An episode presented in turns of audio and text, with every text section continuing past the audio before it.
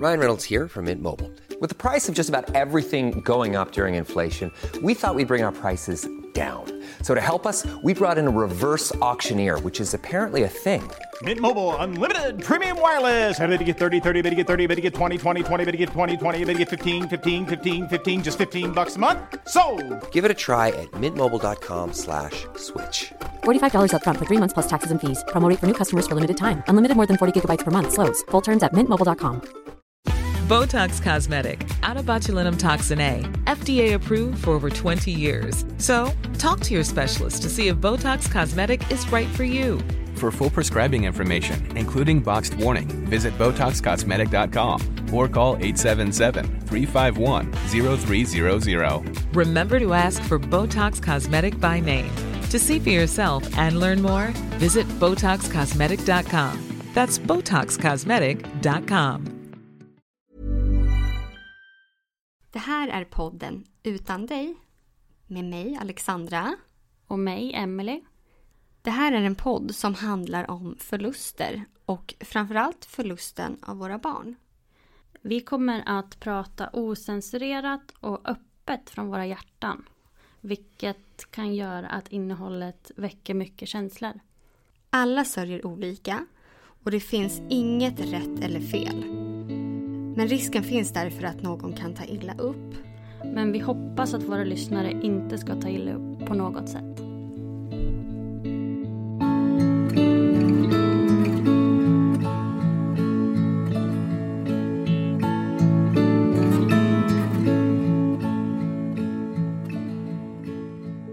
I dagens poddavsnitt har vi vår första pappagäst med oss.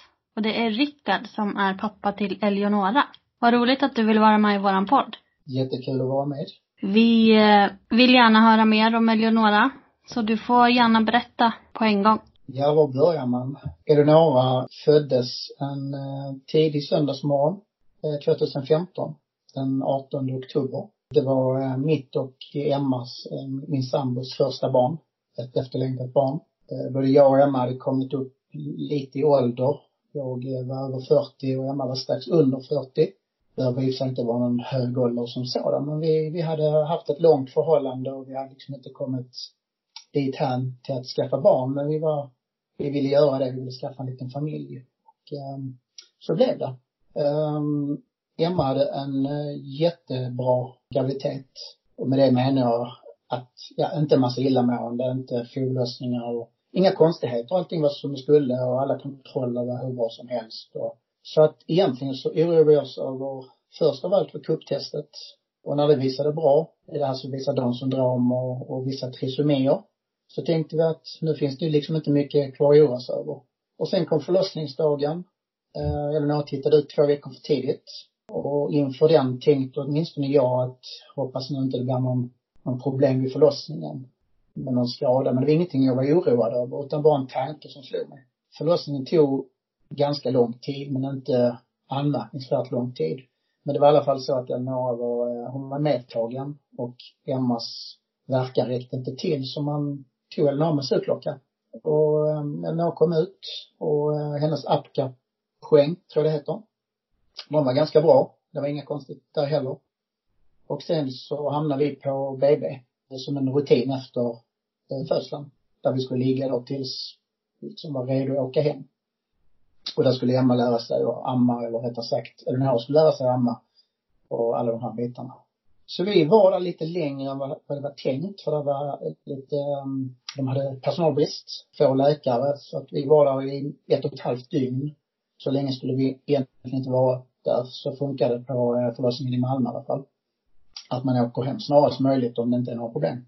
Och så var det en hemgångsundersökning där doktorn tittar på Eleonora. Eh, så allting är okej okay innan man går hem. Och vi stod där med packade väskor och tyckte det kändes skönt att äntligen skulle komma hem. Och läkaren gick igenom Eleonora. Eh, jag minns så väl att hon höll upp henne i luften framför sig. Och så sa hon, hon är jättefin flicka. Och så la hon ner henne på skötbordet. Och när Eleonora låg där ensam så gjorde hon en väldigt speciell rörelse. Som vi, vi hade lagt märke till den men vi, vi hade inte tänkt att det var något konstigt och det var även personal på, på BB som hade sett, som inte hade sagt någonting. Men läkaren sa i alla fall, oj, nu tror jag att, att hon ska kräkas. Så sa jag och Emma att nej men det där är som hon är hungrig, tror vi. Och hon gapade liksom och tryckte upp sig i brygga och så vred hon kroppen eh, liksom uppåt. Men eh, vi såg på, eh, på doktorn att hon, hon såg eh, bekymrad ut. Hon fick ett förändrat ansiktsuttryck, hon verkade bli stel. Och så tog hon upp Eleonora och höll henne upp i luften och sa ingenting.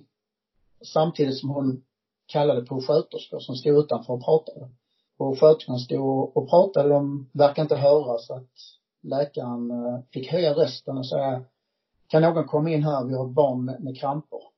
Och um, jag och Emma bara, vi förstod ingenting. Vadå kramper? Det var så overkligt. Och och så skyndade doktorn iväg med Eleonora i famnen mot neonatalavdelningen som ligger i samma byggnad, en avdelning bort. Och vi försökte liksom hänga med där i korridoren och fattade inte vad som hade hänt. Sen eh, var allting kaos, om jag uttrycker det milt. Ehm, vi hamnade på neonatal, in på en sal där det låg flera barn med sina föräldrar.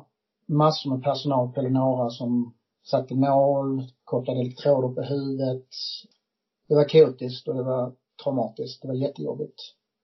Sen um, var vi kvar på neonatal i två veckor. Man gjorde alla tester, alla undersökningar man kan tänka sig med några. Men man hittade ingenting klart eller signifikant som, som kunde förklara det som läkaren hade sett. Man såg ingenting på EEG när man mäter eh, hjärnverksamheten. Ingenting. Inga kramper heller då alltså? Ingenting som syntes på EEG. Och hon fortsatte göra de här konstiga rörelserna. Som liksom var den, den stora biten. Och sen så reagerar man också över att Eleonora var stillsam och tystlåten. Och det reagerade vi på när vi låg på BB. Och då tänkte vi att, gud vad snällt barn vi har. Det var något, en annan mamma med ett barn som, där barn gallskrek hela tiden. Och det är normalt för ett litet barn. Det är ju barnets sätt att påkalla uppmärksamhet. Men Eleonora var som en liten ängel eh, jättesnäll och eh, jättegod. Så hon åt som hon skulle och ja, hon skötte sig. Och vi var bara thank Vi har fått ett, en, en jättetyst och söt liten tjej. Eh, men det tyckte såklart eh, personal att det här var, det var konstigt. För hon var så pass stillsam och tyst så att det var konstigt.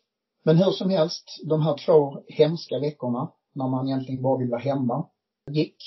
Och vi skickades hem med löfte om, eh, om eh, uppföljning, kontinuerlig uppföljning där vi skulle träffa en barnneurolog och eh, en sjukgymnast och en sjuksköterska, en barnsjuksköterska, där man då skulle göra bedömningar kontinuerligt. Och dit gick vi en till två gånger i månaden. Och varje gång vi kom dit där så, um, så stod de här med rynkade, uh, vad heter det, ja, rynkade pannor och, och bekymrade miner och, och sa egentligen inte sådär jättemycket utan man spekulerade kring om det här var ett, som de sa, ett omoget rörelsemönster eh, eller om det var en utvecklingsförsening som skulle komma ifatt. Man eh, resonerade kring om det var en svår hjärnskada. Och så höll man på så här fram och tillbaka och jag och Emma höll på att bli tokiga av ovissheten. För, för att faktum var att nerven utvecklades ingenting alls från varje gång och vid något tillfälle tyckte vi liksom att de har gjort lite framsteg men det var liksom inte godkänt. De tyckte att eh, det här är alldeles för lite. Men eh, lång historia kort. Vi gick ju där under ungefär fyra månaders tid. Eh, och när vi var inne på månad fyra så pratade jag och Emma innan vi skulle till det här mötet och sa att vi måste trycka på lite. Vi, vi vill ha besked. Vi orkar liksom inte gå och vänta på det här. Det är, det är otroligt psykiskt tärande att inte veta vad vi ska rikta in oss på. Och vi ville såklart inte ha ett negativt svar, men vi ville ha ett svar i alla fall. Så att vi, vi ifrågasatte och, och sa att vi, vi är vuxna individer och vi förstår att ni inte får lov att spekulera. Vi förstår att ni har ansvar för det ni säger, att det blir rätt. Men läkaren sa då att allting talar för att hon har en svår hjärnskada. Men vi vet inte varför. Så på den vägen var det. Eh, vi fick reda på det och det var något av det värsta beskedet man kunde få. Um, Förklarade de någonting då vad, vad det innebar att ha en allvarlig hjärnskada? Just då så hamnade vi i ett litet, om inte jag missminner mig så i normalfallet så, så um, om, om man inte kan se att ett barn har en, en syrebrist vid förlossning till exempel, att det blir en, en, en CP-skada och liknande. Och när man är så här osäker så i normalfallet så ska barnet vara omkring ett år innan man liksom spikar en diagnos. Så ska det vara kontakt med habilitering, utredning med, på, på riktigt då med neurolog och så här, så att man inte säger för mycket. Så Elinor var egentligen för liten för att kvala in på att man skulle börja göra eh, genetiska eh, screenings och så vidare. Men det var ändå så att eftersom allting var så ovisst så sa de att det här skulle vi få hjälp med så fort som möjligt. Men innan det skedde, och det var ungefär Elinor fem månader gammal, då fick hon ett epileptiskt anfall hemma, visade sig. Och det var väldigt eh, ganska abstrakt, ganska stillsamt. Hon, hon spände kroppen lite grann, ryckte lite lätt med, eh, med båda händerna, armarna och så eh, log hon lite. Och jag och Emma tyckte det här var skitkonstigt. Eh, jag har kört eh, ambulans för, har en vårdutbildning. Jag har inte sett så många barn som har EP-anfall i och för sig, men jag har sett vuxna och det brukar ofta se mer dramatiskt ut. Så, så att jag var lite så, jag tänkte inte direkt på EP-anfall men jag tyckte det var konstigt. Hur som helst, vi ringde och kollade upp detta och de tyckte vi skulle komma in på barnakuten för att kolla Eleonora.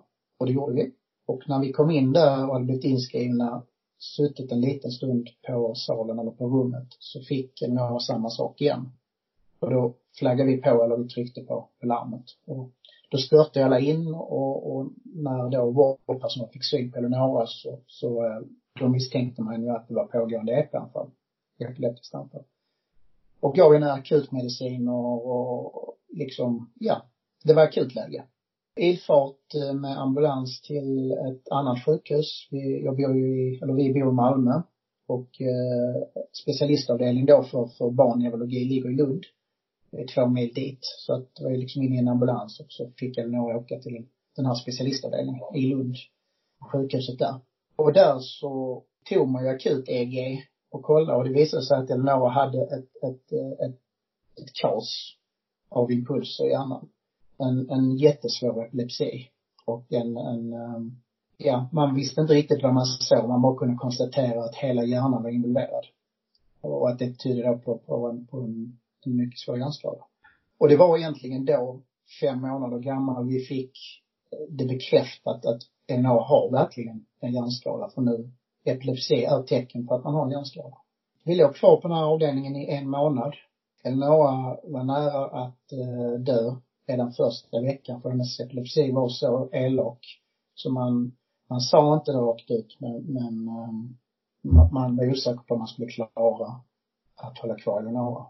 Men man gav henne tung medicin, narkotikaklassad i vissa fall, för att helt enkelt rädda livet på henne.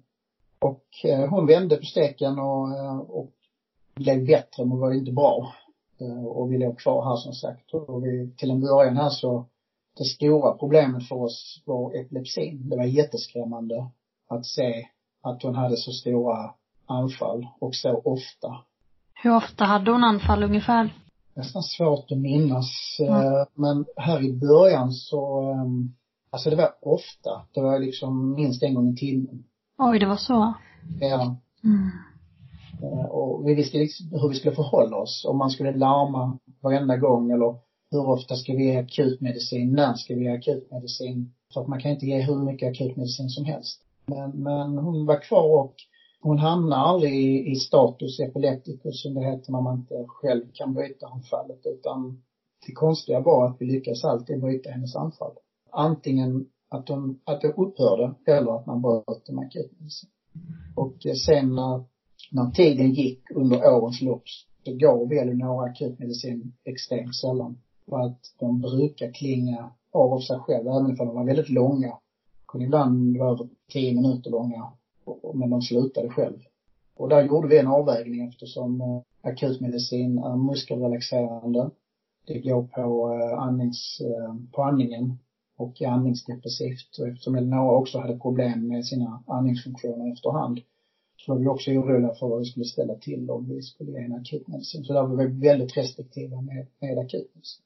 Men det, det var, eh, den här tiden på sjukhuset, det var att lära sig att hantera epilepsin. och att försöka förstå Eleonora som fortfarande var jättetystlåten. Eh, hon eh, grät jättesparsamt. Det var fåtal gånger hon grät. Första gången vi såg henne gråta, det var när man skulle sätta en nål på henne. Man lyckades inte sätta någonstans, så man satte den på skalpen, mitt uppe på huvudet. Då gallskrek hon. Och det kan man förstå. Det är nog inte så skönt. Men annars så, så var hon lika stillsam som vanligt. Hon rörde sig stillsamt, hon sa inte mycket. Kunde hon äta själv? Ja, det kunde hon. Hon, hon tog eh, Emmas bröst bra och åt. Så det var, det var inga, inga problem till en början för henne att äta. Kunde hon skratta och liksom tycka saker var roliga? Nej, vi reagerade på det också att vi inte riktigt, eh, vi visste inte riktigt eh, om vi fick ögonkontakt eller inte. Det var liksom inte det här, alla som har barn vet liksom att barn fixerar och att de ser intresserade ut. Men Eleonora gjorde inte det utan det var mer lite flackande och ibland tyckte vi liksom, jag tror mer det var en önsketanke, en önsketanke att vi fick någon kontakt men eh, eh högst troligt fick vi inte någon direkt kontakt. Hon kunde vara intresserad, verkar som av ljud när hon hörde röster och så här, men, men inget klart. Och hon log vid, vid något tillfälle så när vi liksom busade med henne och rörde henne, eh, satt och hoppade med henne och, och så här, som hon verkar tycka var kul. Men det var väldigt sällsynt att, att vi såg någonting, någon, någon känsloyttring överhuvudtaget. Hur var det att liksom behöva berätta för alla era kompisar och nära familjemedlemmar och så att det vände så här fort liksom från att hon föddes till att hon blev så sjuk? Det började ju redan um, efter att den var född och vi hamnade på neonatal. Jag och Emma var väldigt öppna omgående. Jag använde mig av sociala medier för att förmedla mig. Uh, för att slippa berätta det om och om igen. Innan dess fick naturligtvis alla våra närmsta familjemedlemmar och vänner reda på detta här. Men sen så, så var det en, en modell som vi använde oss av att, att vi berättade på, i detta fallet Facebook, eh, och skrev liksom vad som hade hänt. Så att delvis för att få ut till eh, de som undrade och delvis för att eh, slippa dra det om och om igen. Men det var, det var jobbigt. Det, vi har haft ett otroligt stöd genom hela den här resan. Det, det är fantastiskt men eh, det är likväl jätte jättesvårt och, och jobbigt att träffa människor gång på gång och berätta samma sak. Det måste ha varit jobbigt också eftersom att det tog ett tag innan ni fick det bekräftat. Mm. Så lika mycket frågor som ni måste ha haft till vårdpersonal hade ju säkert folk till er också. Exakt. Vi, vi hade ju ett hopp in i det sista. Jag slöt mig lite grann i mitt, i mitt hopp. Att jag ville liksom inte jag vill inte måla fan på väggen, även för jag förstod vad det, vad det pekade åt. Medan Emma, som man brukar säga, hon gick igenom samtliga av Socialstyrelsens eh, ovanliga diagnoser, den här förteckningen som Socialstyrelsen har. Eh, och tittade på och ville gärna berätta för mig att hon hade hittat likheter då i olika, i olika diagnoser. Bland annat Krabbes, som jag vet att din son Emelie mm. hade. Mm. Um, hur var det då, om ni var lite på olika stadier så? Att hon ville, eller inte ville, men att hon kanske målade fan lite på väggen och du inte? Vi har pratat om det efteråt. Jag blir stressad över att Emma eh, förde detta på tal för att eh, jag vill inte höra de spekulationerna, jag vill inte höra den sanningen utan jag ville, jag visste om att det kunde vara så. Men, men Emma, hon gick verkligen på djupet. Det var hennes sätt att förbereda sig inför någonting som skulle komma. Så för henne var det en bearbetning och för mig blev det en stress att lyssna på detta och Emma satt alltid och läste liksom eh, om olika diagnoser för att förbereda sig. För det är ju det som också är så jobbigt att man, även fast man sitter i samma båt så är man ju helt olika. Ja, eh, det, det är verkligen så. Vi, eh, vi har ju upplevt detta under tiden Noah levde och efter att Noah har dött så har vi hanterat saker olika ibland väldigt olika. Eh, ibland har den ene stressat den andra, ibland har det varit till hjälp, men det är så oerhört viktigt att man försöker stötta varandra, men det är inte alltid att det är så lätt eftersom man, man upplever sakerna så olika. Eh, om det så är sorg eller om det är något annat så, så är det väldigt starka känslor det är frågan om. Vad hände efter att ni då hade varit där i Lund i den där månaden eller hur länge det var? Mm, det var, det var en månad. Man, um, under den månaden så eh, visste man inte riktigt vad man såg på EEG. Man kunde inte liksom klart säga liksom att, eh, att det är, ja, en viss typ av epilepsi utan det var väldigt mycket aktivitet, bakgrundsaktivitet som, som störde Eleonora hela tiden. Och hon hade som sagt anfall av olika varianter. Men man resonerar också kring om hon kunde ha något som heter infantil spasm. Som då i sig är en ovanlig typ av epilepsi och som bromsar utvecklingen för ett barn om man inte bryter, eh, även om man bryter det så, så tenderar det både bromsa och backa utvecklingen hos barn som har infantilspasm. Eh, eller hypsarytmi som man kallar det också. Eh, det är samma sak fast beskriver bara saker på olika sätt. Så man spekulerade och resonerade kring om det kunde vara det och om hon skulle vilja hjälp av att få behandling för infantilspasm. Och man gjorde också en hel genomsekvensering. Vilket betyder att man går igenom hela, hela genuppsättningen på Eleonora och på oss föräldrar. För att se om, om man kunde hitta någon genetisk avvikelse. Någon mutation som hade skett i någon gen. Så det gjorde man också den här månaden vi låg inne. Sen blev vi, um, fick vi veta att det här skulle ta i bästa fall två månader. Oftast mycket längre innan man fick ett besked på de här um, proverna som, som togs. Så det skulle skickas till Karolinska i Solna där man då eh, analyserar de här proverna. Så vi skickades hem med um, en liten flicka som hade en svår hjärnskada. Och där vi um, inte alls visste vad framtiden skulle ge oss. Fick ni med några hjälpmedel eller sådär då också? Inga hjälpmedel alls. Vi fick med oss eh, en uppsättning av mediciner, epilepsimediciner. Och vi fick med oss akutmedicin. Men egentligen ingenting annat. Jag vill minnas att man gav oss ett typ av sjukgymnastikprogram också. Som vi skulle, liksom, eftersom Elinor behövde röra sig om att vi hjälpte henne med de, med de bitarna. Men, men inga specifika hjälpmedel i övrigt. Ingen, ingen syrgas eller någon typ av andningshjälputrustning och, och liknande. Hon hade inte den typen av problematik då utan då var det egentligen epilepsin som vi såg som det största problemet och även sjukvårdspersonalen. Okej. Okay. Hur fick hon sin eh, epilepsimedicin? På för sätt? Kunde hon ta, svälja den liksom eller är det nålspruta? Eh, nej, hon fick allting eh, via munnen då.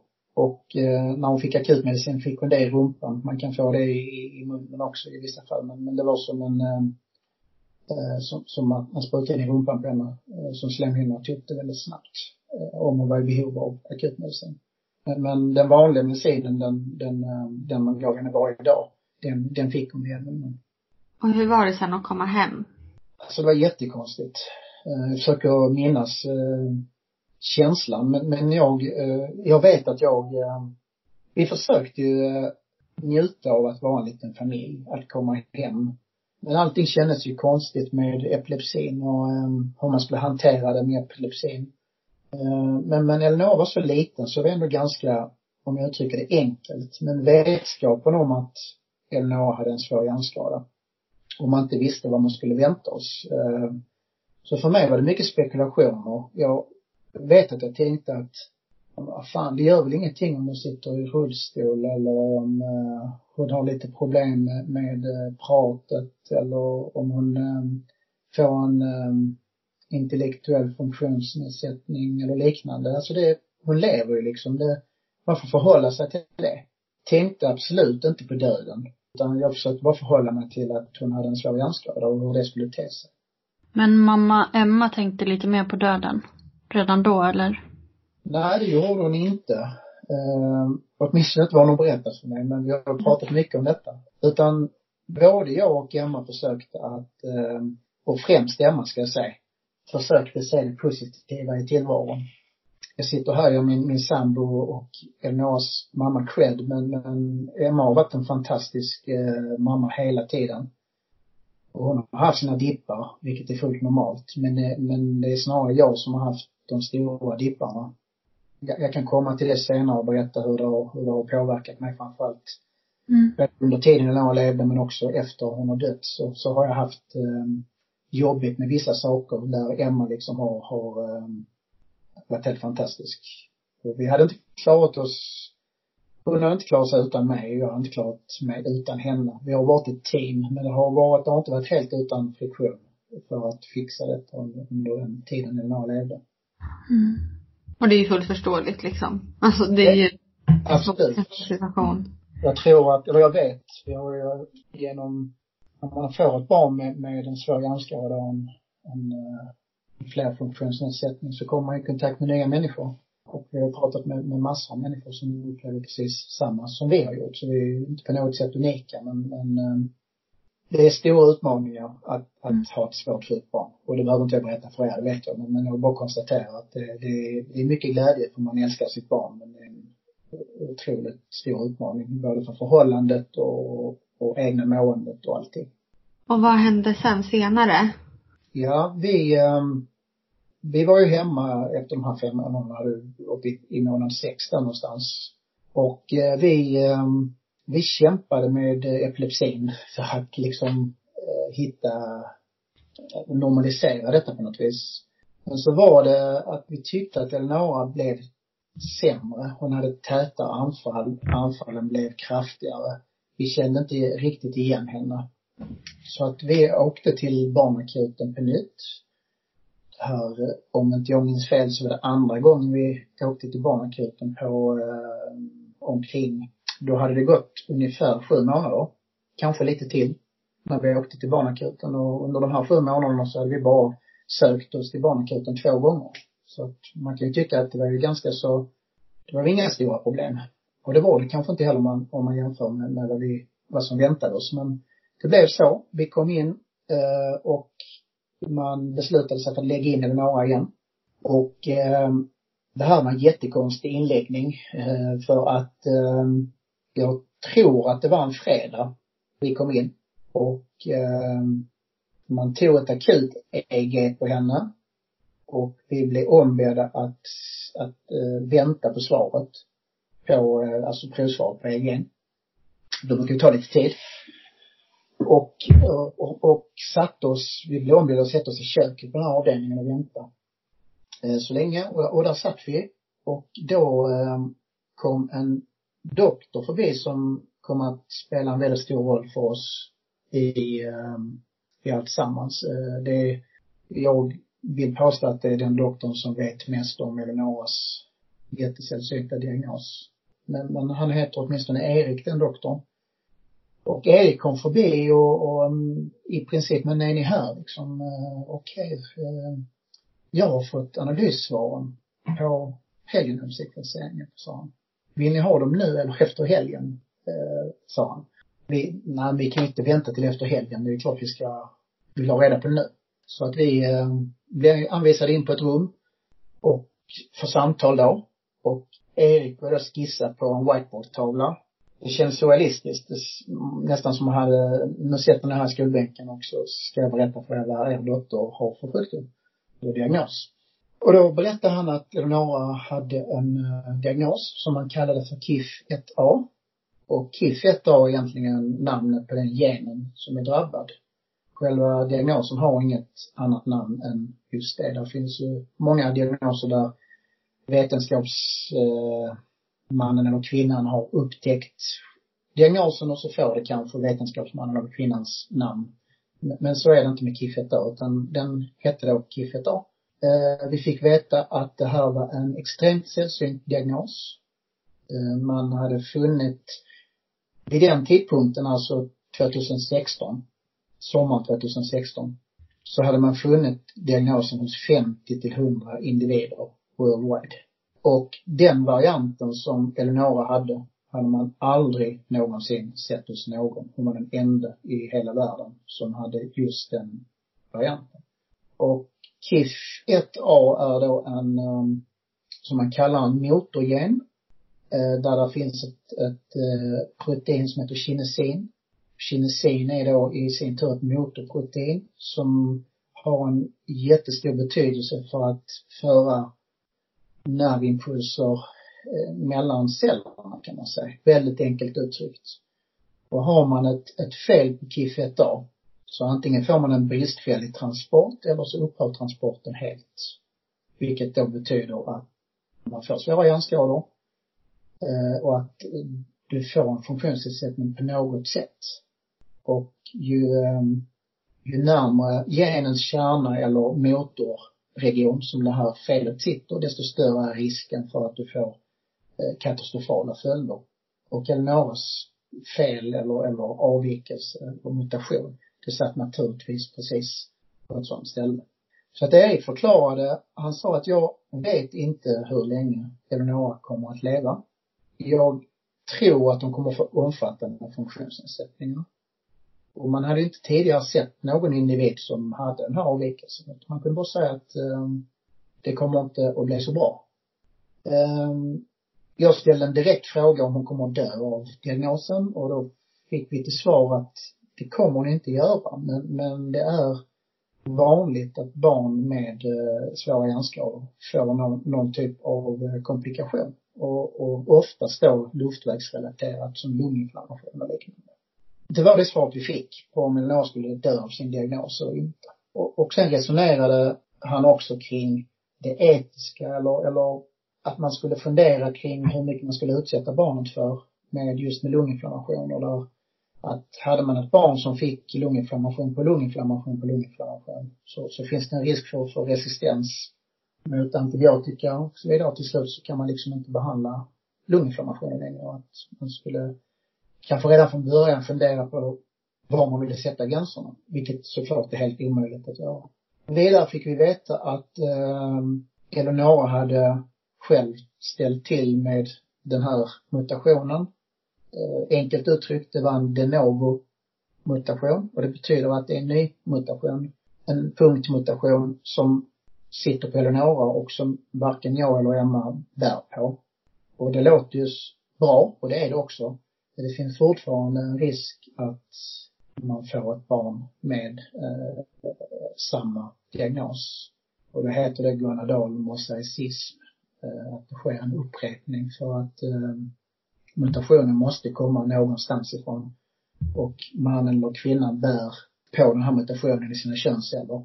Men det kan man inte se på förhand. Men, men det är så det liksom, det är så det överförs eh, när, det, när befruktningen har skett och så vidare. Så att eh, om det skulle bli så att vi eh, får barn på nytt så måste vi ju ha noggrann fosterdiagnostik, bland annat med, med, eh, med moderkaksprov eller fostervattenprov. Och, och där kan man då specifikt se om, om eh, barnet har, har just den här diagnosen KIF1 har. Men om ni skulle vilja skaffa ett syskon till Eleonora, mm. kan ni liksom göra det, eller rekommenderas det att man ska göra PGD då? Alltså typ via IVF, eller kan, kan man få göra det liksom naturligt? För som mm. med krabbes till exempel så kanske man säger att det, ja, man kan ju se det redan innan man blir gravid då, på embryot typ. Eh, vi har fått förklarat eh, på det viset när vi har pratat med, med läkare. Att eh, det handlar ju om eh, just om, eh, om vi som föräldrar är bärare. Eh, och då finns det olika procentsatser. Det är ganska så invecklat att förklara så jag ska inte gå in på det men, men, men om den ena föräldern har eh, bär på mutationen så finns det en viss procentsats att, att eh, barnet faktiskt, det kommande barnet faktiskt får samma. Och har båda föräldrarna eh, är bärare då, då är det en procentsats. När jag och Emma inte är bärare så säger man att och vi har ju ändå fått Eleonora hon har kiffat av. Då säger man att det finns mindre än en procents risk att det ska ske en upprepning. Och den, den, det låter som en extremt liten risk men, men eh, föräldrar till friska barn har noll. Och, och eh, för mig så är det oerhört skrämmande med den här lilla procenten. Men, men det är ingen, ingen har sagt att ni bör genomgå PGD och, och motsvarande utan att om vi, om vi vill så kan vi eh, kan vi försöka på nytt att lägga vidare på naturlig väg. Mm. Och dessutom är vi tyvärr för gamla för att få hjälp i Sverige. Eh, alltså finansierat genom det allmänna. Då måste vi söka oss utomlands eller gå till privatklinik och bekosta det själv. Ja, okej. Mm. Så att um, jag och Emma vi försöker faktiskt och, och skaffa ett syskon till några. Det hade hjälpt oss enormt. Uh, vi, um, vi tror oss veta att det är det vi vill. Tyvärr har vi haft två stycken missfall. Um, ett i maj och ett som vi fick besked om i förrgår. Åh nej. Det, det känns tungt när man, jag tror att alla som vill ha barn som får missfall, det är supertungt. Men för oss så betyder så mycket mer. Vi behöver verkligen ett ljus i, i det mörkret som som vi har efter att den har gått bort. Mm. Men, men svaret på din fråga är att, att uh, vi får göra som vi vill. Det är ingen Ja. som har avrått oss ifrån att, uh, att, att försöka på naturlig väg. Nej. Men, men om fostret eller barnet har bär på kiffet då så ser man det vid fostervattenprov eller vid moderkaksprov. Mm. Och då har vi redan på förhand bestämt oss att, att visar det så så kommer inte vi att behålla barnet för att det är orättvist både mot barnet och mot oss. Mm. För, vi, och för det barn kommer få precis samma mutation, precis samma variant som Eleonora Ja. hade. Det På samma ställe liksom med den här genen. Kommer få precis samma svårigheter. Ja. Men däremot man kan ju bara se om barnet har den här diagnosen. Man tittar inte efter något annat. Det gör man i så fall vid kubb. Eh, de- här vanliga. När man Ja. letar efter de syndrom och trisomi och, och liknande. Men man letar liksom inte efter allt som finns. Och det finns ju så mycket mer. Men eh, kiffet då kan man se. Det måste vara en trygghet i alla fall i, i allt det här liksom att man kan kolla det på förväg liksom. Ja, eh, verkligen. Det hade känts, eh, jag kan inte ens tänka tanken att vi skulle gå och vänta i nio månader och, och eh, liksom håll tummarna ungefär. Utan eh, vi har det här alternativet att kunna hitta det. Eh, och, och då tar man det såklart. Mm. Eh, jag vet inte om jag hade vågat annars men vi har, vi har, eh, vi försöker på, på den informationen att vi kan få eh, hjälp med att kolla det. Hoppas att det kommer gå bra. Ja, verkligen. Vi håller tummarna. Tack, vi försöker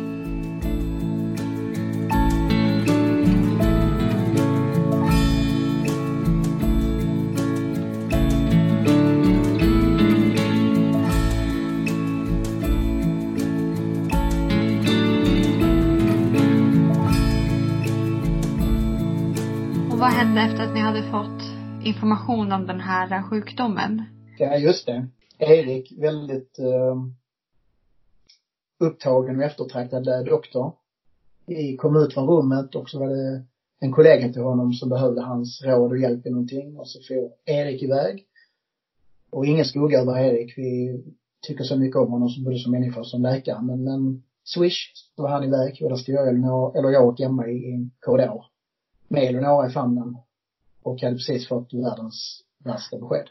Så vi eh, gick tillbaka till köket igen. Vi väntade ju på ett besked från eh, vad Så där satt vi och, ehm, ja det var ingen som kom och tog hand om oss. Utan det var i princip, det här får ni det här beskedet. Så dök en sjuksköterska upp med en sån här liten rondskål i papp. Mm, med sprutor och kanyler och grejer och, och, och så kommer fram i bordet. Då sa hon, nu är det dags för en injektion för Eleonora. Ja, så varför det? Ja, hon har ju, hon har ju infantil spasm. Har ni inte fått reda på det? Nej. Då hade det blivit en miss där så att, eh, då hade EEG visat att Eleonora hade den här mycket allvarliga typen av, av eh, epilepsi. Så då inledde man en, en, en speciell behandling för detta som då är ett kortisonpreparat kan man säga. Som är en, stark medicin som påverkar rejält. Eh, plus en annan typ av medicin då som man kompletterar med. För att försöka bryta de här anfallen. Så vi låg kvar på den här avdelningen. Vi hade ju hoppats på att allting såg okej ut men då fick vi ligga där, jag tror vi låg två veckor vid det här tillfället för att bryta, dels för att vi skulle genomgå den här behandlingen med, eh, för att bryta infantilasplasman så att det blev bra igen. Och, och sen för övervakning. Så då låg vi i två veckor vid det här tillfället innan vi fick åka hem på nytt. Och denna gången när vi kom hem så hade vi ju inte bara vetskap om att NA hade en svår hjärnskada utan även att de hade en, en, en diagnos. En diagnos som är progressiv och neurodegenerativ, vilket betyder att hjärnan bryts ner över tid. Det blir aldrig bättre, det blir bara sämre. Man vet inte hur lång tid det kommer att ta. Och då var hon sju, åtta månader? Ja, eh, omkring åtta månader när vi åkte hem från sjukhuset. Vid det här tillfället så började Eleonora få, jag tror att det var något hon hade uppstötningar, att, att, eh, att hon hade svårt att behålla maten. Man började diskutera om hon skulle få en knapp på magen, som man kallar det. En, en PEG, en in, man säger egentligen en, en infart direkt in i magsäcken så att man kan ge mat den vägen istället. Då drog man igång hela det här med att se, eh, om man skulle röntga Eleonoras sväljfunktion, hur det ser ut i halsen. Och hon fick en eh, nässond. Hon fick liksom en slang via näsan ner i magsäcken där hon fick sin mat. Hon verkar inte fullt lika intresserad av att eh, äta vid bröst längre. Hon tog napp ibland. Så här, men vi tyckte oss märka att hon hade sämre mindre intresserad av att suga eller minskad sugreflex. Sen fick hon den här knappen på magen. Och så fick man lära sig det här med, med att, mm, hur man skulle ge maten via, via knappen. Jag tror det var i den här vevan runt när hon var ett år gammal. Ja, det är väldigt likt för Ture. Han fick också operera en knapp strax innan han fyllde ett. Tyckte ni att det, hade ni haft sonden ett tag innan då så ni tyckte att det vart någon skillnad med knappen så eller var det ganska snabbt vi tyckte, vi tyckte att eh, uh, nässonden var asjobbig. För den, uh, Elna kräktes. Jag tror att det låg uh, retade. Så det var ju flera gånger hon kräktes upp liksom. Alltihopa kom upp och så hade inte vi fått, man kan ju lära sig att sätta det här själv men, men vi fick köra in varenda gång så att vi, i någon vecka var vi, fick vi köra in tre eller fyra gånger liksom. Och, och, det är ganska uppslitande liksom att gång på gång där in på sjukhuset och så ska man vänta och, och och det är ändå så att det är obehagligt att vara där med sitt barn. Det är inte den tryggaste miljön. Eh, så det var jobbigt när hon fick eh, nässonden och, och eh, när hon väl fick knappen på magen så var det, funkade det faktiskt ganska bra. Eh, I alla fall till en början. Det var tråkigt att inte kunna ge några mat via munnen eftersom det är smakupplevelser och det känns som att såklart inte naturligt att ge eh, mat via en, en infart på magen. Men, men eh, det, det funkar åtminstone. Slutade hon få uppstötningar och så då? Hon fick mindre uppstötningar men det kom ibland eh, ändå och eh, det kunde också bero på att vi gav maten lite för snabbt. Att eh, det här kan vara väldigt individuellt. Ibland får man en maskin som, som eh, man kan ställa in som ger maten kontinuerligt. Vi valde i samband med sjukvårdspersonal att ge det för hand i, i sprutor. Vi såg en vinst i det eftersom man får, eller får närhet och även ifall hon inte får mat på, på ja, på sätt naturligaste sättet så får hon åtminstone närheten. Vi är nära henne, vi rör henne, vi pratar med henne. Istället för att liksom låta den ligga och få mat via en pump så, så känns det mer naturligt att ge via, via, ja, för hand. Och det gjorde vi. Gjorde ni det hela tiden sen? Ja, vi gjorde det. Det fördes ett resonemang kring om vi skulle gå över till, eh, till pump ju äldre Elnora blev. Men vi märkte också att eh, den här sondmaten vi gav henne, den var så pass lättflytande. Så vi, vi blandade i lite fruktpuré och liknande för att göra den tjockare. Och när vi gjorde det så minskade Elnoras eh, uppstötningar eh, och eh, kräkningar. Precis som att det visade sig att hennes magmun var, var slapp eftersom eh, musklerna i hela kroppen var slappa på den, den fungerar inte med tanke på diagnosen. Och även magmunnen var slapp så att det steg liksom upp ganska fort och det här riskerar ju att gå ner i andningsvägarna på den också redan ner i lungorna vilket hände ett antal gånger. Eh, och då är det liksom lunginflammation som är på väg på posten. Så att, så att vi, vi höll på att experimentera i samråd med dietisterna och ehm, så att vi fick rätt på det och, och då kan man inte använda sig av maskin för att det funkar inte när man har för tjock, för tjock mat. Så det blev eh, för hand hela tiden. Jag tror det var i den här vevan eh, när, när eh, Elna fick knäpp på magen och saker och ting blev svårare. Det var, vi blev inskrivna på habilitering, vi fick lite hjälpmedel med hem i specialstol där de kunde sitta i, en typ av arbetsstol som heter X-Panda.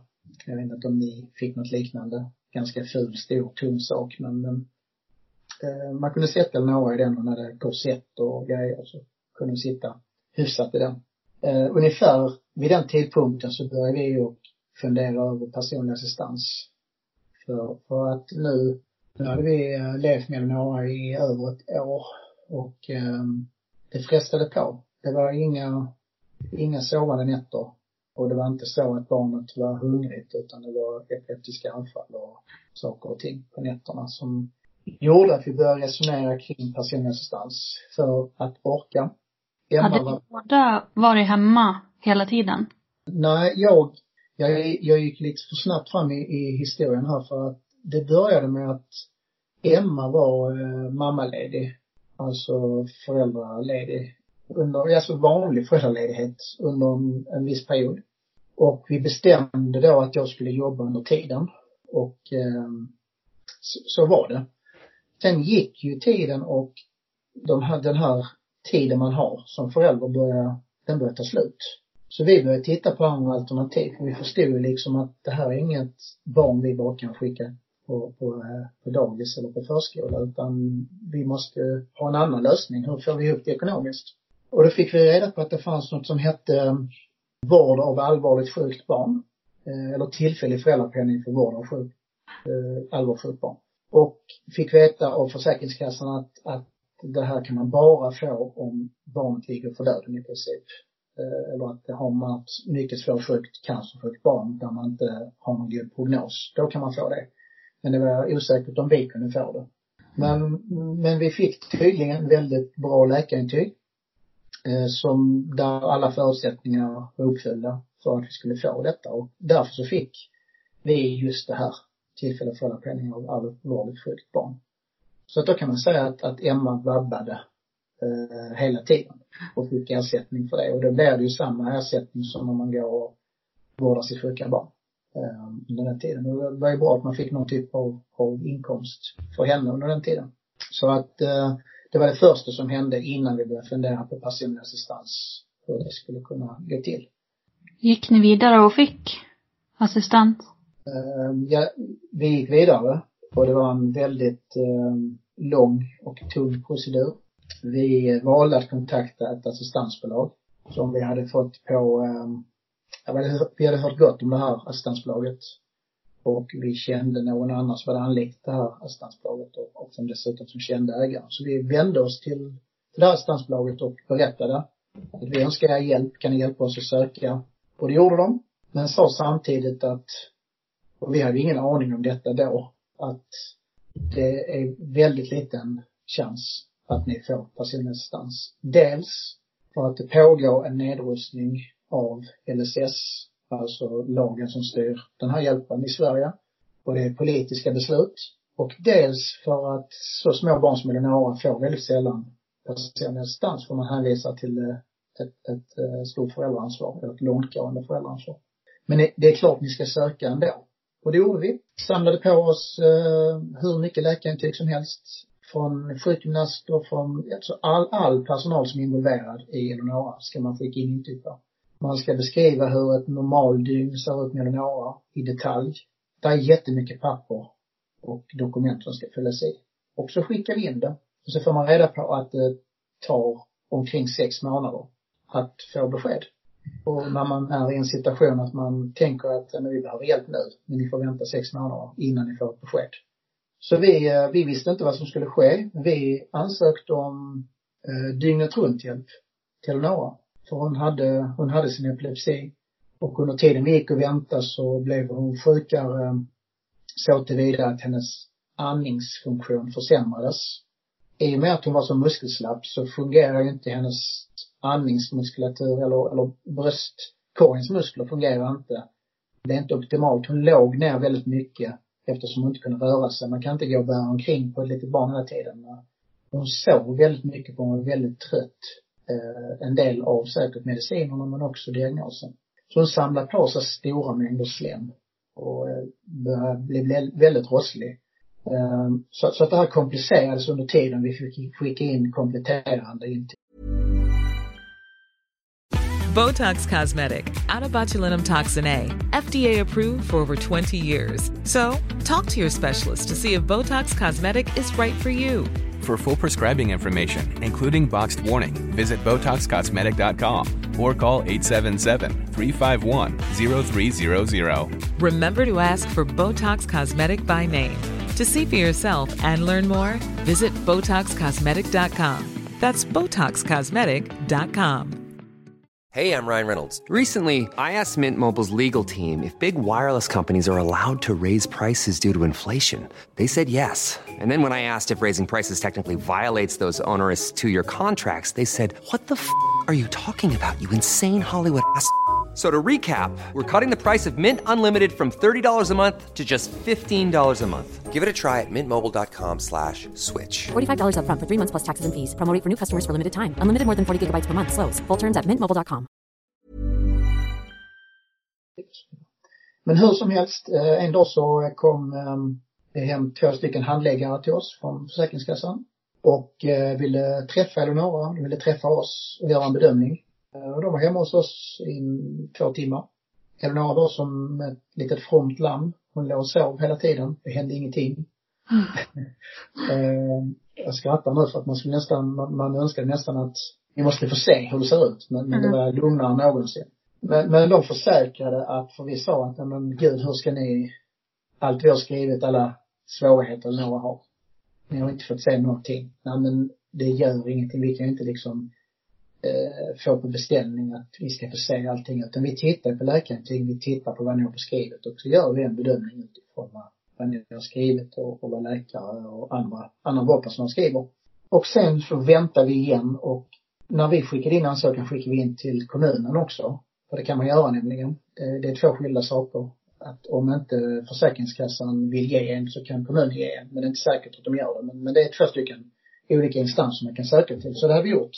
Men hur som helst, eh, Försäkringskassan kom med ett skriftligt beslut. Och då ska, då, då ska man ha i åtanke att vi sökte alltså dygnet runt hjälp till Eleonora. Vilket betyder, eh, det är väl 168 timmar på en vecka. Och det var vi, vi, vi hade ansökt om 168 timmar per vecka. Och Försäkringskassan sa då att de hade kommit fram till att Eleonora hade 10 minuters grundläggande behov per dygn.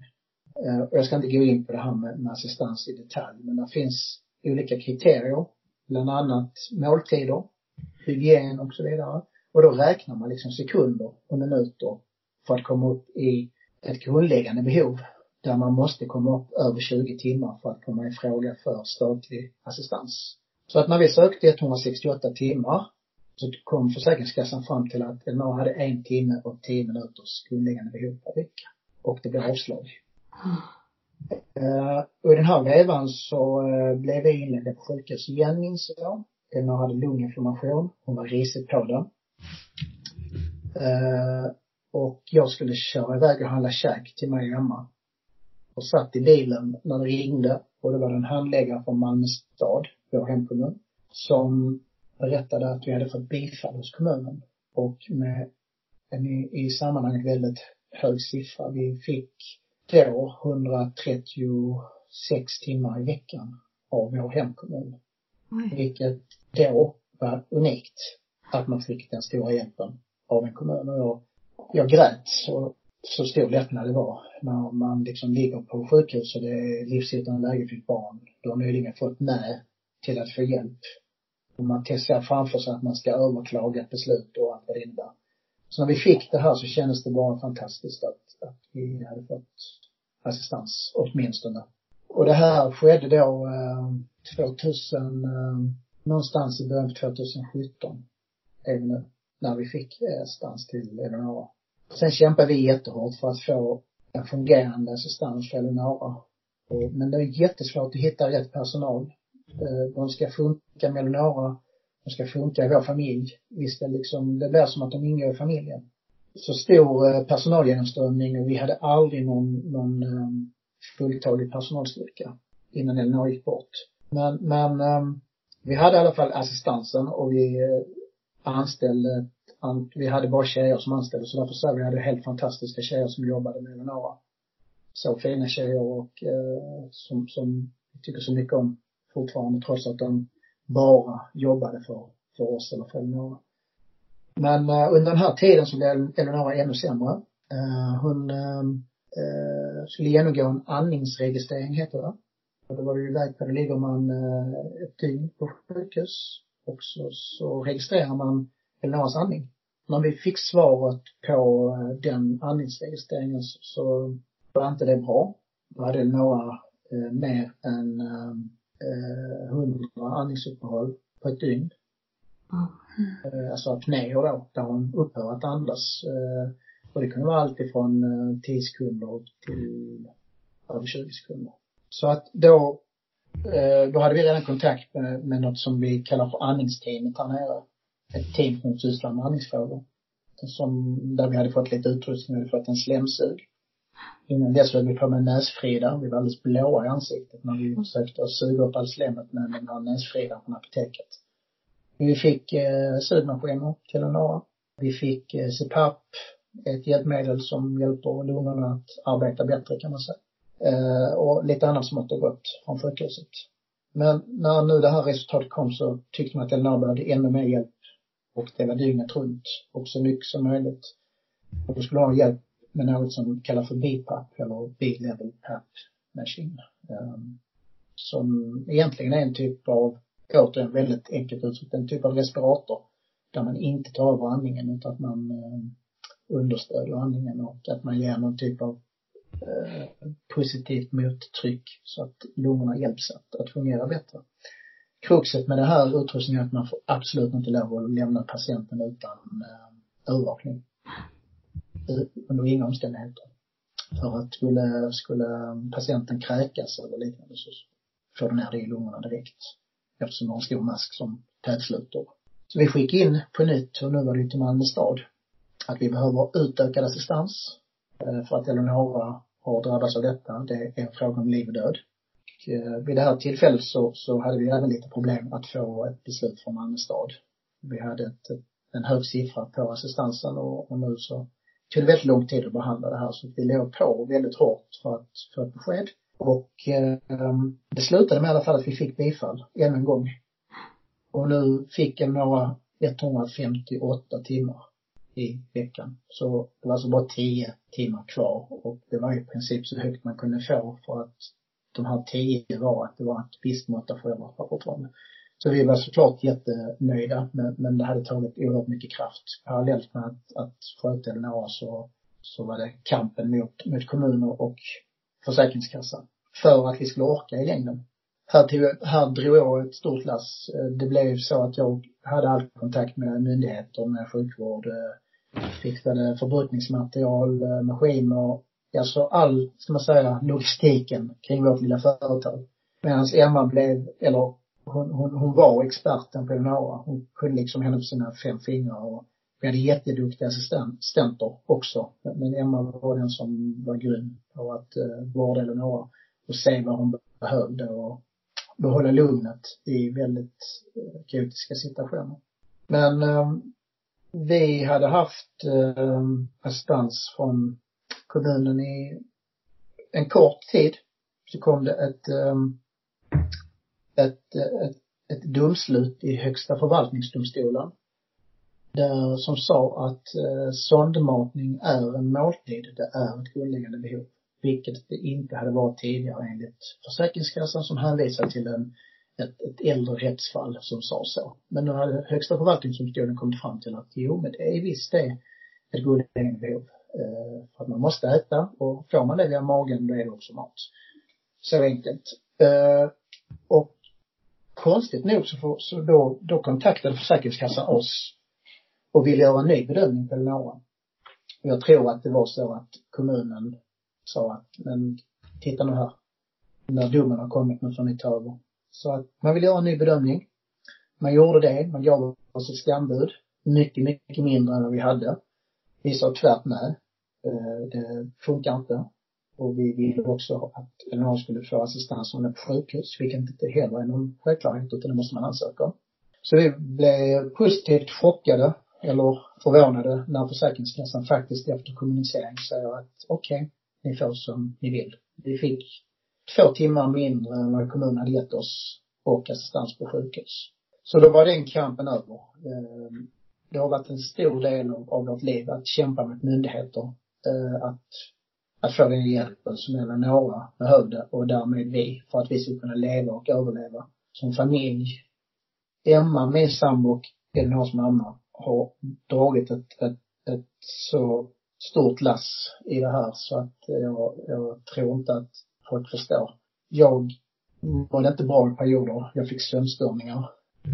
Tog antidepressiva, tog medicin för att kunna sova. Så Emma har, har tagit eh, i princip allt nattansvar för Eleonora. Eh, och vi hade inte alltid assistenter så att eh, hon har dragit ett jättestort last där. Hade inte vi fått assistenter så hade vi gått under som familj. Eller om vi inte hade fått assistenter till Eleonora. Så det är en stor del av vår story. Eh, det, handlar inte kanske så mycket om att förlora sitt barn, men det har verkligen varit en stor del av, av eh, livet med Eleonora. Kampen för assistansen och att få det till att fungera. Och efter att ni hade fått, alltså godkänt med assistans och det, eh, vad hände då? Vi försökte ju få, eh, som sagt, eh, det, det, är ingen, det är ingen lek att ha människor i, i ditt hem 24-7. Det, Integriteten är som bortblåst privatlivet är som bortblåst. Man kan liksom inte spontant göra vissa saker. Så det är inte enkelt att ha assistans. Men, men vi, vi försökte ju att, att vänja oss vid, vid det här livet. Och um, försökte se det positiva, att vi faktiskt hade hjälpen, att vi, vi kunde ta eh, en kortare tripp, inte så långt bort, eh, jag och Emma. Och ha någon som, som var ensam eller några. Ehm, det vi gjorde som, där vi tog ut svängarna som mest, det var när vi körde till Dalarna. Och vi var så nervösa över att någonting skulle hända på hemmaplan. För att det är ganska långt till Dalarna från, från Malmö. Så det hade ju tagit sina timmar att köra hem. Men det kunde vi åtminstone göra. Men annars så, vi har alltid älskat att resa. In, inga resor under den här tiden och det låter ju som jättebanalt men herregud, kan inte resa någon annan gång. Men, men det blev så att Emma gjorde resor med väninnor eh, jag gjorde resor med någon kompis bara för att få ett break. Det var mest Emma som reste för att hon behövde verkligen komma ifrån. Att, att få ett break från äh, livet som mamma och vårdat sitt barn. Hade inte hon fått de resorna så hade hon gått under. Men, men eh, under tiden, jag hade i perioder svårt att hantera Eleonora. Jag blev stressad över att hon var så svårt sjuk som hon var. Men jag gjorde det, men det var förenat med stor ångest. Det var jättejobbigt för mig. Så att det var skönt att vi hade assistenter också som kunde stötta och avlasta och att, mm, att jag kunde få sova, att assistenten hade ansvaret för Eleonora. Hände någonting väldigt jobbigt så blev jag väckt och så skulle jag hjälpa till. Men vi fick ihop det genom assistansen.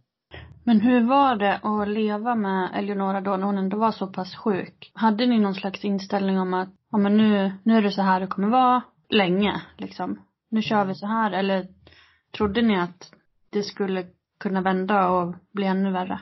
Vi, ehm, vi kom till en punkt när vi levde i nuet. Även ifall ehm, hjärnan ville gå vidare, tänka framåt, vad händer sen? Jag tror det var överlevnad för att inte tänka för långt och eh, vi hade vid antal gånger samtal med ansvarig läkare för Eleonora på habiliteringen. Där den här neurologen, barnneurologen, vid ett tillfälle med en tio minuter kvar på ett planerat möte lyfte frågan om liv och död. Och vi blev tagna på sängen av den frågan, för vi var inte där mentalt. Medan hon ville veta om Eleonora är så dålig, vad ska vi göra då? Ska vi göra hjärt och lungräddning på henne? Ska vi intubera och lägga respirator? Alltså de här frågorna. Men, men det kom så plötsligt och olägligt så att Emma bröt ihop. Vi sa, vi, vi, vi vet inte, vi liksom kan inte prata om det nu. Så att det var så under ganska lång tid att vi, eh, alltså vi var absolut, eh, det är inte så att vi fjärmar oss från en verklighet, men, men vi levde i nuet. Vi eh, tog en dag i taget och var tacksamma för varje dag vi fick med några. Noah hade tio lunginflammationer under sitt tre år och fyra månader långa liv. Och den tionde var en del av det som dödade henne. Eh, men, men hon klarade nio lunginflammationer i, med sin svår, i sin svåra sjukdom. Och, och, och där, där växte någon konstig typ av trygghet att vad fan hon är stark. Hon fixar detta. Vi behöver inte vara så rädda för lunginflammationen. För hon, hon fixar det. Det var, det var jätteakut vid alla de tillfällena. Men, men vi blev liksom på något vis säkrare och säkrare. Vi tände på gränserna. Och någon annan förälder som hade kommit in med sitt barn som hade varit i det, i, i, i det um, tillståndet så hade det säkert varit otroligt mycket mer stressigt för, för de eh, föräldrarna. Men för oss så, så blev det bara att klara en dag i taget. Så vi, vi tänkte aldrig, ehm, vi tänkte aldrig så långt att Elmira skulle dö och vad gör vi då? Vad händer då? Det var ett tillfälle vi kom in. Det var en, jag tror det var en juldags, en juldag eller en annan dag. När Eleonora var så dålig i sin andning. Eh, så man, man larmade och plockade ner anestesi eh, på barnakuten. Och eh, jag stod i princip öga mot öga med, med en anestesidoktor som undersökte Eleonora. Och det här var sjukt nog det då det naturligaste samtalet kring liv och död. Trots att det kom som det gjorde. Men han lyfte blicken, väldigt trygg blick, väldigt eh, förtroendeingivande och sa i princip att din dotter har det oerhört jobbigt med sin andning. Och jag vill vara förberett på vad vi ska göra nu. Så jag vill veta vad ni vill att jag ska göra. Vill ni att jag ska intubera henne om hon är i behov av intubation? Och att vi i så fall lägger henne i respirator. Och bara den frågan, genom att möta min blick, att jag fattar läget. Det här är akut. Jag tittade på Emma och vi sa nästan i kör att vi vill att ni ska göra allt som går att göra. Bra, då gör vi det, sa hon. Och det var liksom inget snack. Utan man behöver det inom sjukvården. Ehm, det är väldigt klara instruktioner kring hur man ska förhålla sig till liv och död och man får aldrig lov att springa över föräldrarna. Inte ens när det är oetiskt eller att hålla barn kvar vid liv utan man, man, man ska vara överens med föräldrarna. Sen har läkarna ett ansvar att se till individens bästa. Både ur etiska aspekter men också många andra saker. Men, men det var väldigt, hur naturligt det nu kan bli, kort samtal kring där vi sa, vi vill att ni gör allt. Sen dröjde det faktiskt ända till, eh, ja, någonstans där vi är nu, kanske något tidigare, kanske en månad sen, när vi var på, um, ja, inte en månad sen då, men, men 2018 motsvarande tid nu. Och en månad tillbaka ungefär. Då var vi på ett planerat möte hos andningsteamet.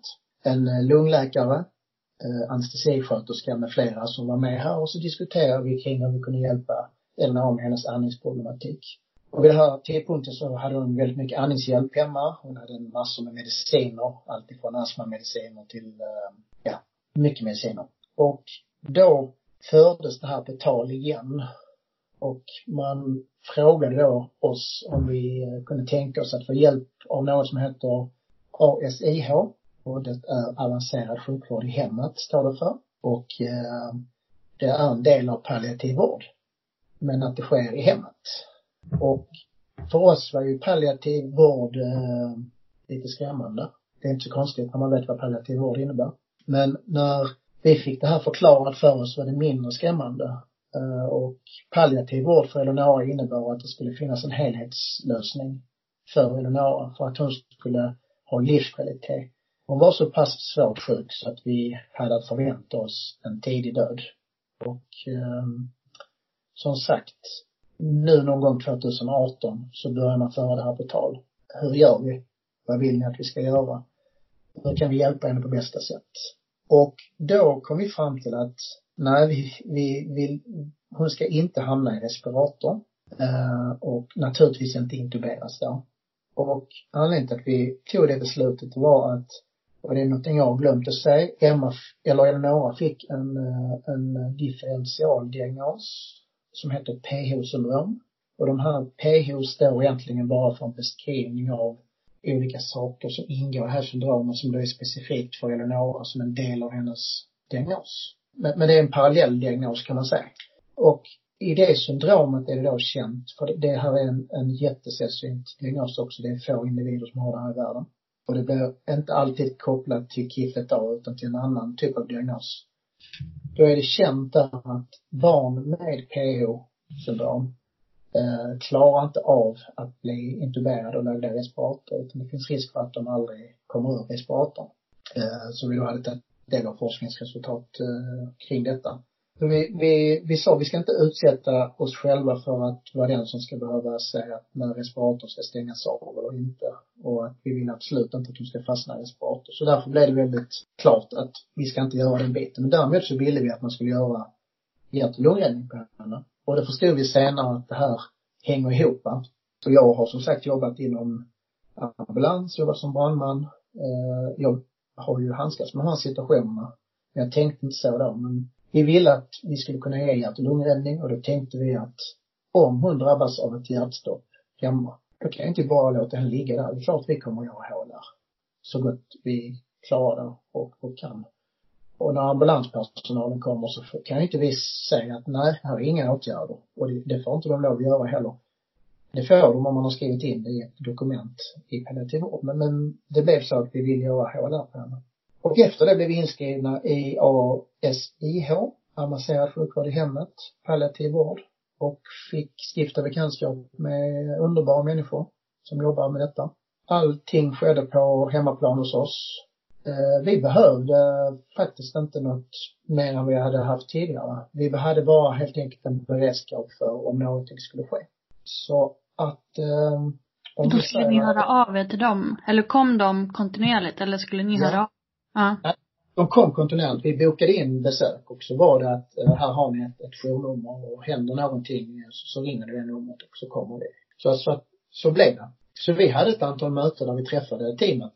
Där vi satt och pratade, hur är det nu och tjänster vi hade med eh, sjukvårdspersonalen från den specialistsjukvården som var med så att alla snackade ihop sig så alla liksom fattar vad det rör sig om. Så att egentligen första gången vi eh, drog nytta av ASCH.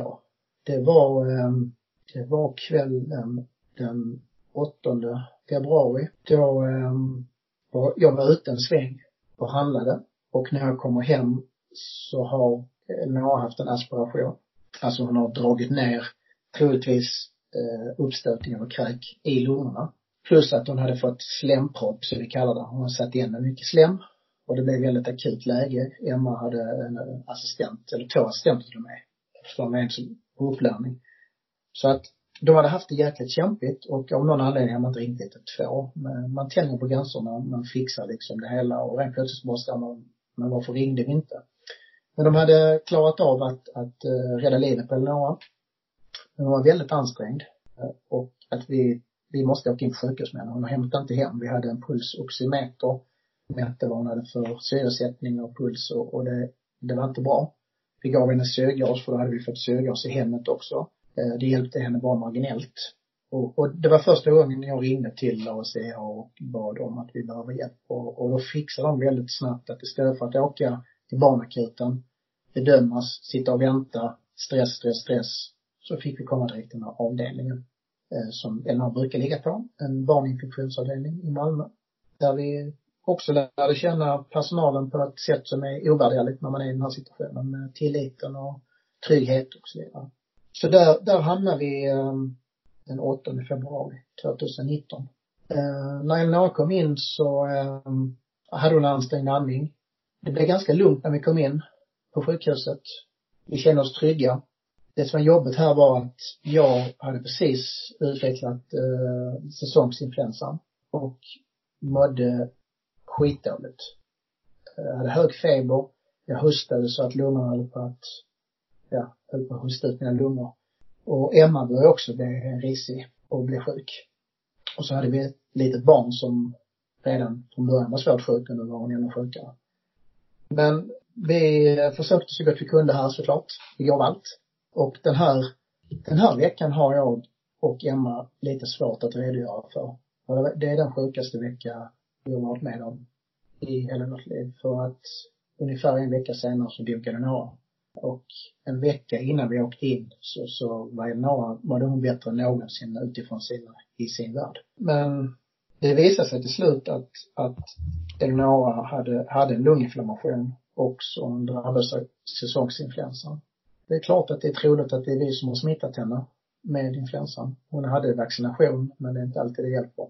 Så när Eleonora blev jätte, jättesjuk. Och eh, vi kände inte igen henne den här veckan. Sådant som brukar kunna hjälpa henne. Vi körde jättemycket andningsgymnastik för att eh, mobilisera slem i lungorna och suga upp det eh, från hennes andningsvägar. Fick inte upp något slem. Sög sönder hennes slemhinnor i näsan och blödde och hon var ångestfylld. Allting var jätteobehagligt.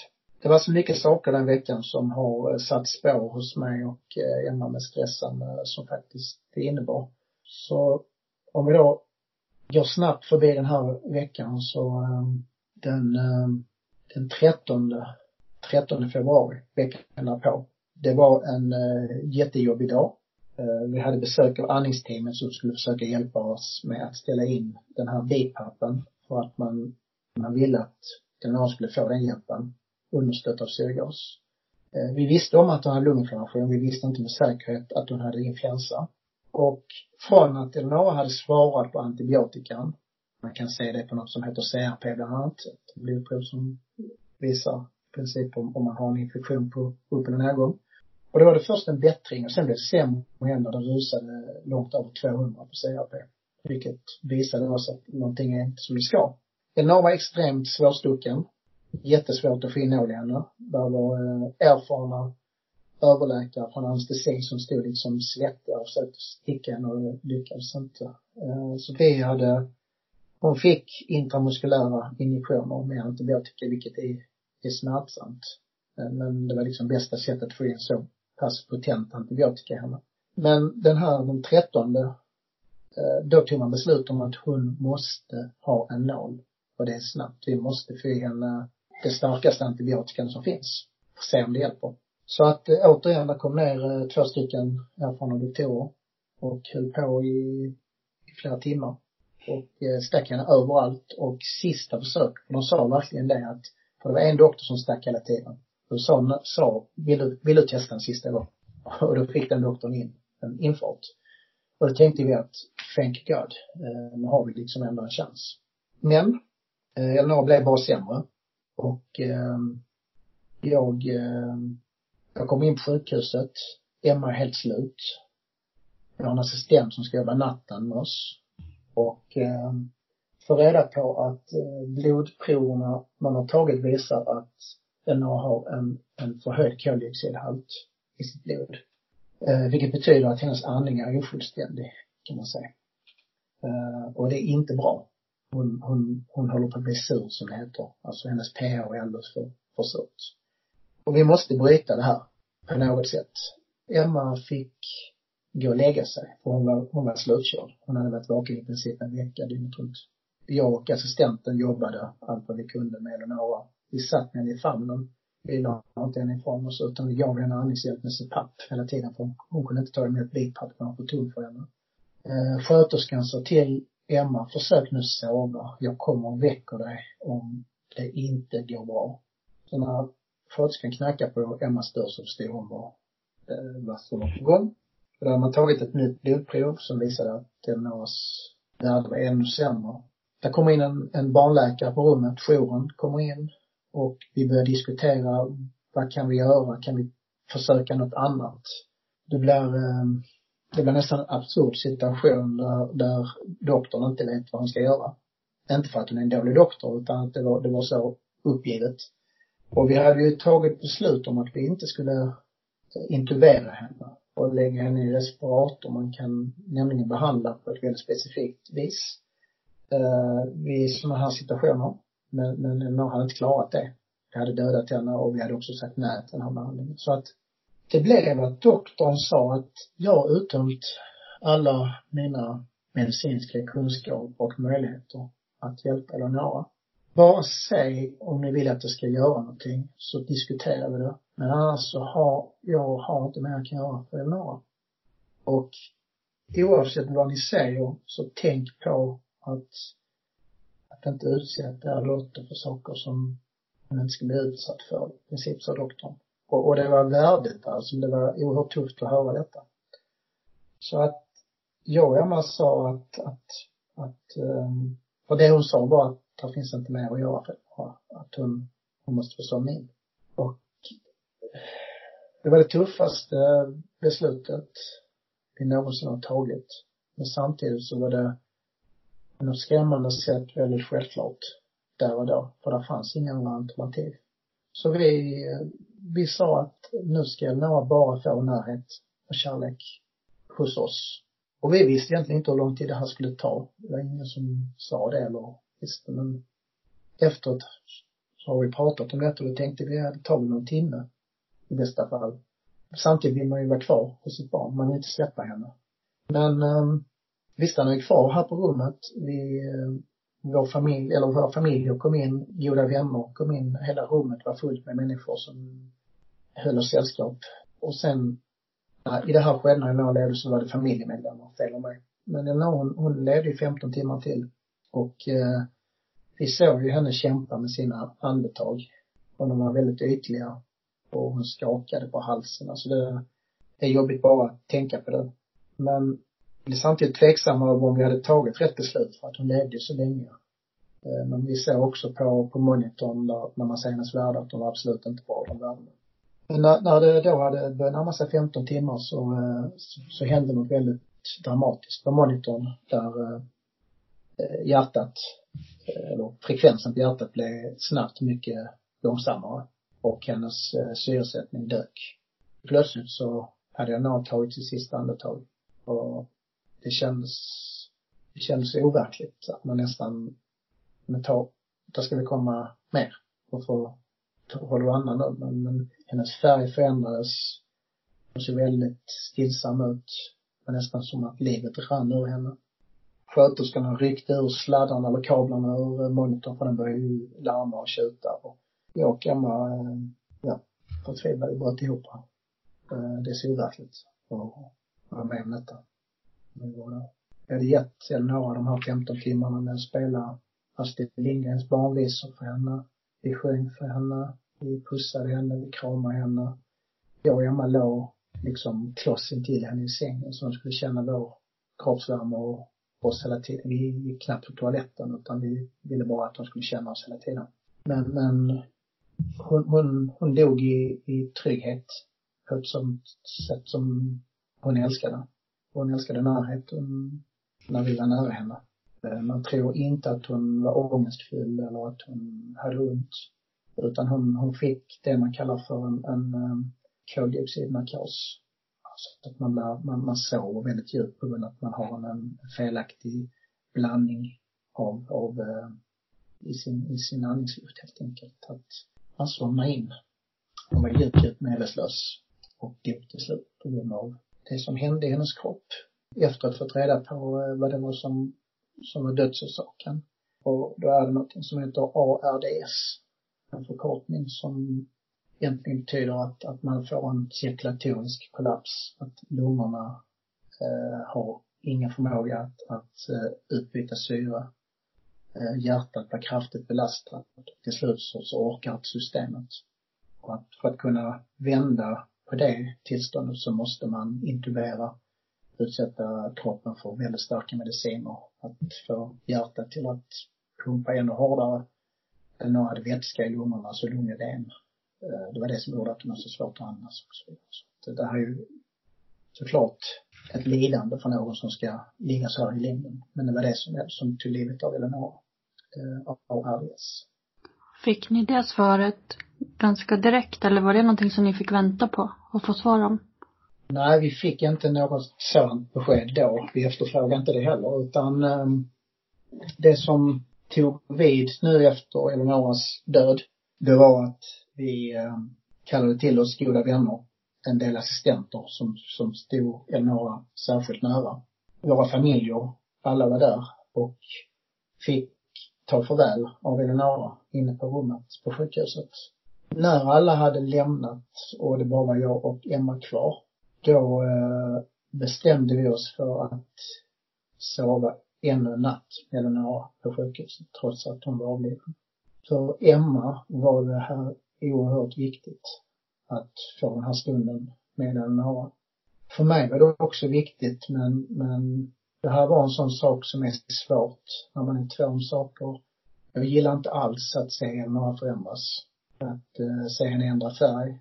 Alltså att känna henne iskall, stel, lukta lite grann Eftersom eh, när man dör så börjar saker hända med kroppen. Det kommer vissa lukter. Det, det här drabbade mig starkt. Jag vaknade på, på natten när vi sov och liksom min lilla flicka låg intill mig och var iskall. Hon var som en isbit. Men samtidigt, det var inte skrämmande. Det var bara det att det, det, det var svårt att förhålla sig till. Det var liksom, det var inte så jag ville se Elinor. Men samtidigt så vet jag hur viktigt det var för Emma och jag önskar inte det ogjort och jag hade aldrig i, i hade aldrig sagt att du får ligga här själv. Jag sticker för jag tycker inte det här är okej okay, utan Eh, det det som var väldigt naturligt och viktigt för Emma, det var inte fullt lika naturligt för mig. Och jag vet inte om jag hade velat lämna ifrån mig Eleonora då. Det har jag inte resonerat kring men, men det var ganska jobbigt att se den här förändringen på Eleonora. Hur som helst, vi hade en tät kontakt med en kurator på avdelningen. Jag hade jättebra dialog med personalen på avdelningen. Vi fick en, en tid på eftermiddagen dagen på där eh, en eh, begravningsentreprenör som vi kom i kontakt med skulle hämta Eleonora. Under dagen här så eh, gjorde vi Eleonora fin. Klädde henne i eh, en fin klänning. Borstade håret med henne. Eh, gjorde fot och handavtryck.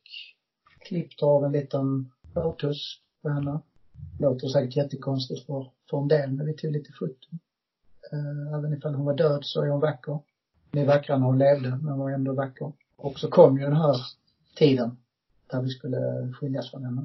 Då var det så att begravningsentreprenören skulle vänta på, på um, i det huset som Eleonora låg på sjukhuset i Malmö, det är samma byggnad som vuxenakuten i, bottenplan. Det är som en, som en cirkelformad byggnad, en, en hög. Och så inne, ska man säga, är det en, en, en uh, uppfart där man kan köra in och lämna av folk och så vidare. Där nere skulle han vänta.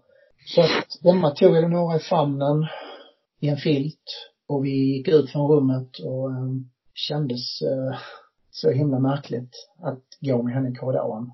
Uh, och där, där stod personal liksom som nickade respektfullt.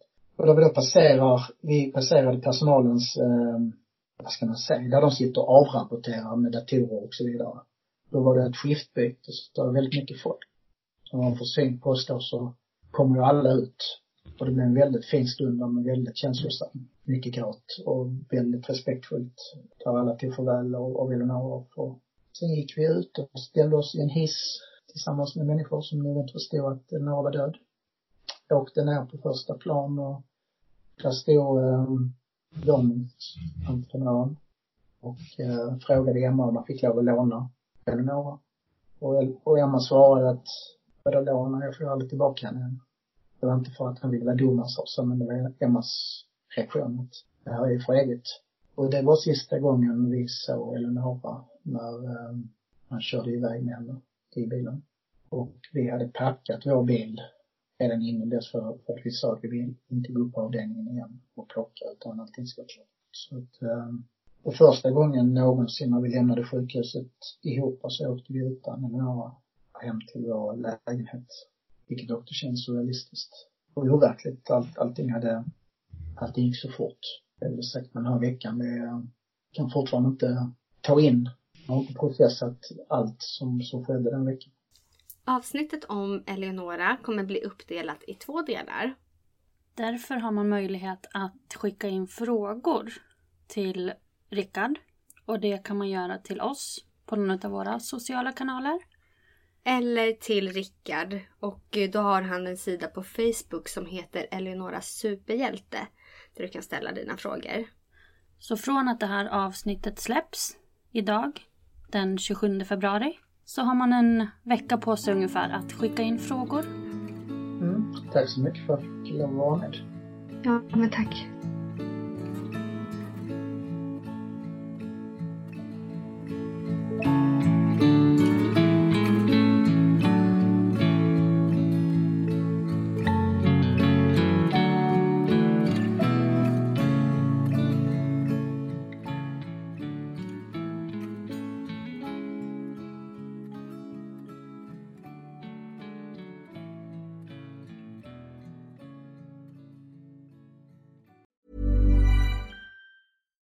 Botox Cosmetic, out of botulinum toxin A, FDA approved for over 20 years. So, talk to your specialist to see if Botox Cosmetic is right for you. For full prescribing information, including boxed warning, visit BotoxCosmetic.com or call 877-351-0300. Remember to ask for Botox Cosmetic by name. To see for yourself and learn more, visit BotoxCosmetic.com. That's BotoxCosmetic.com.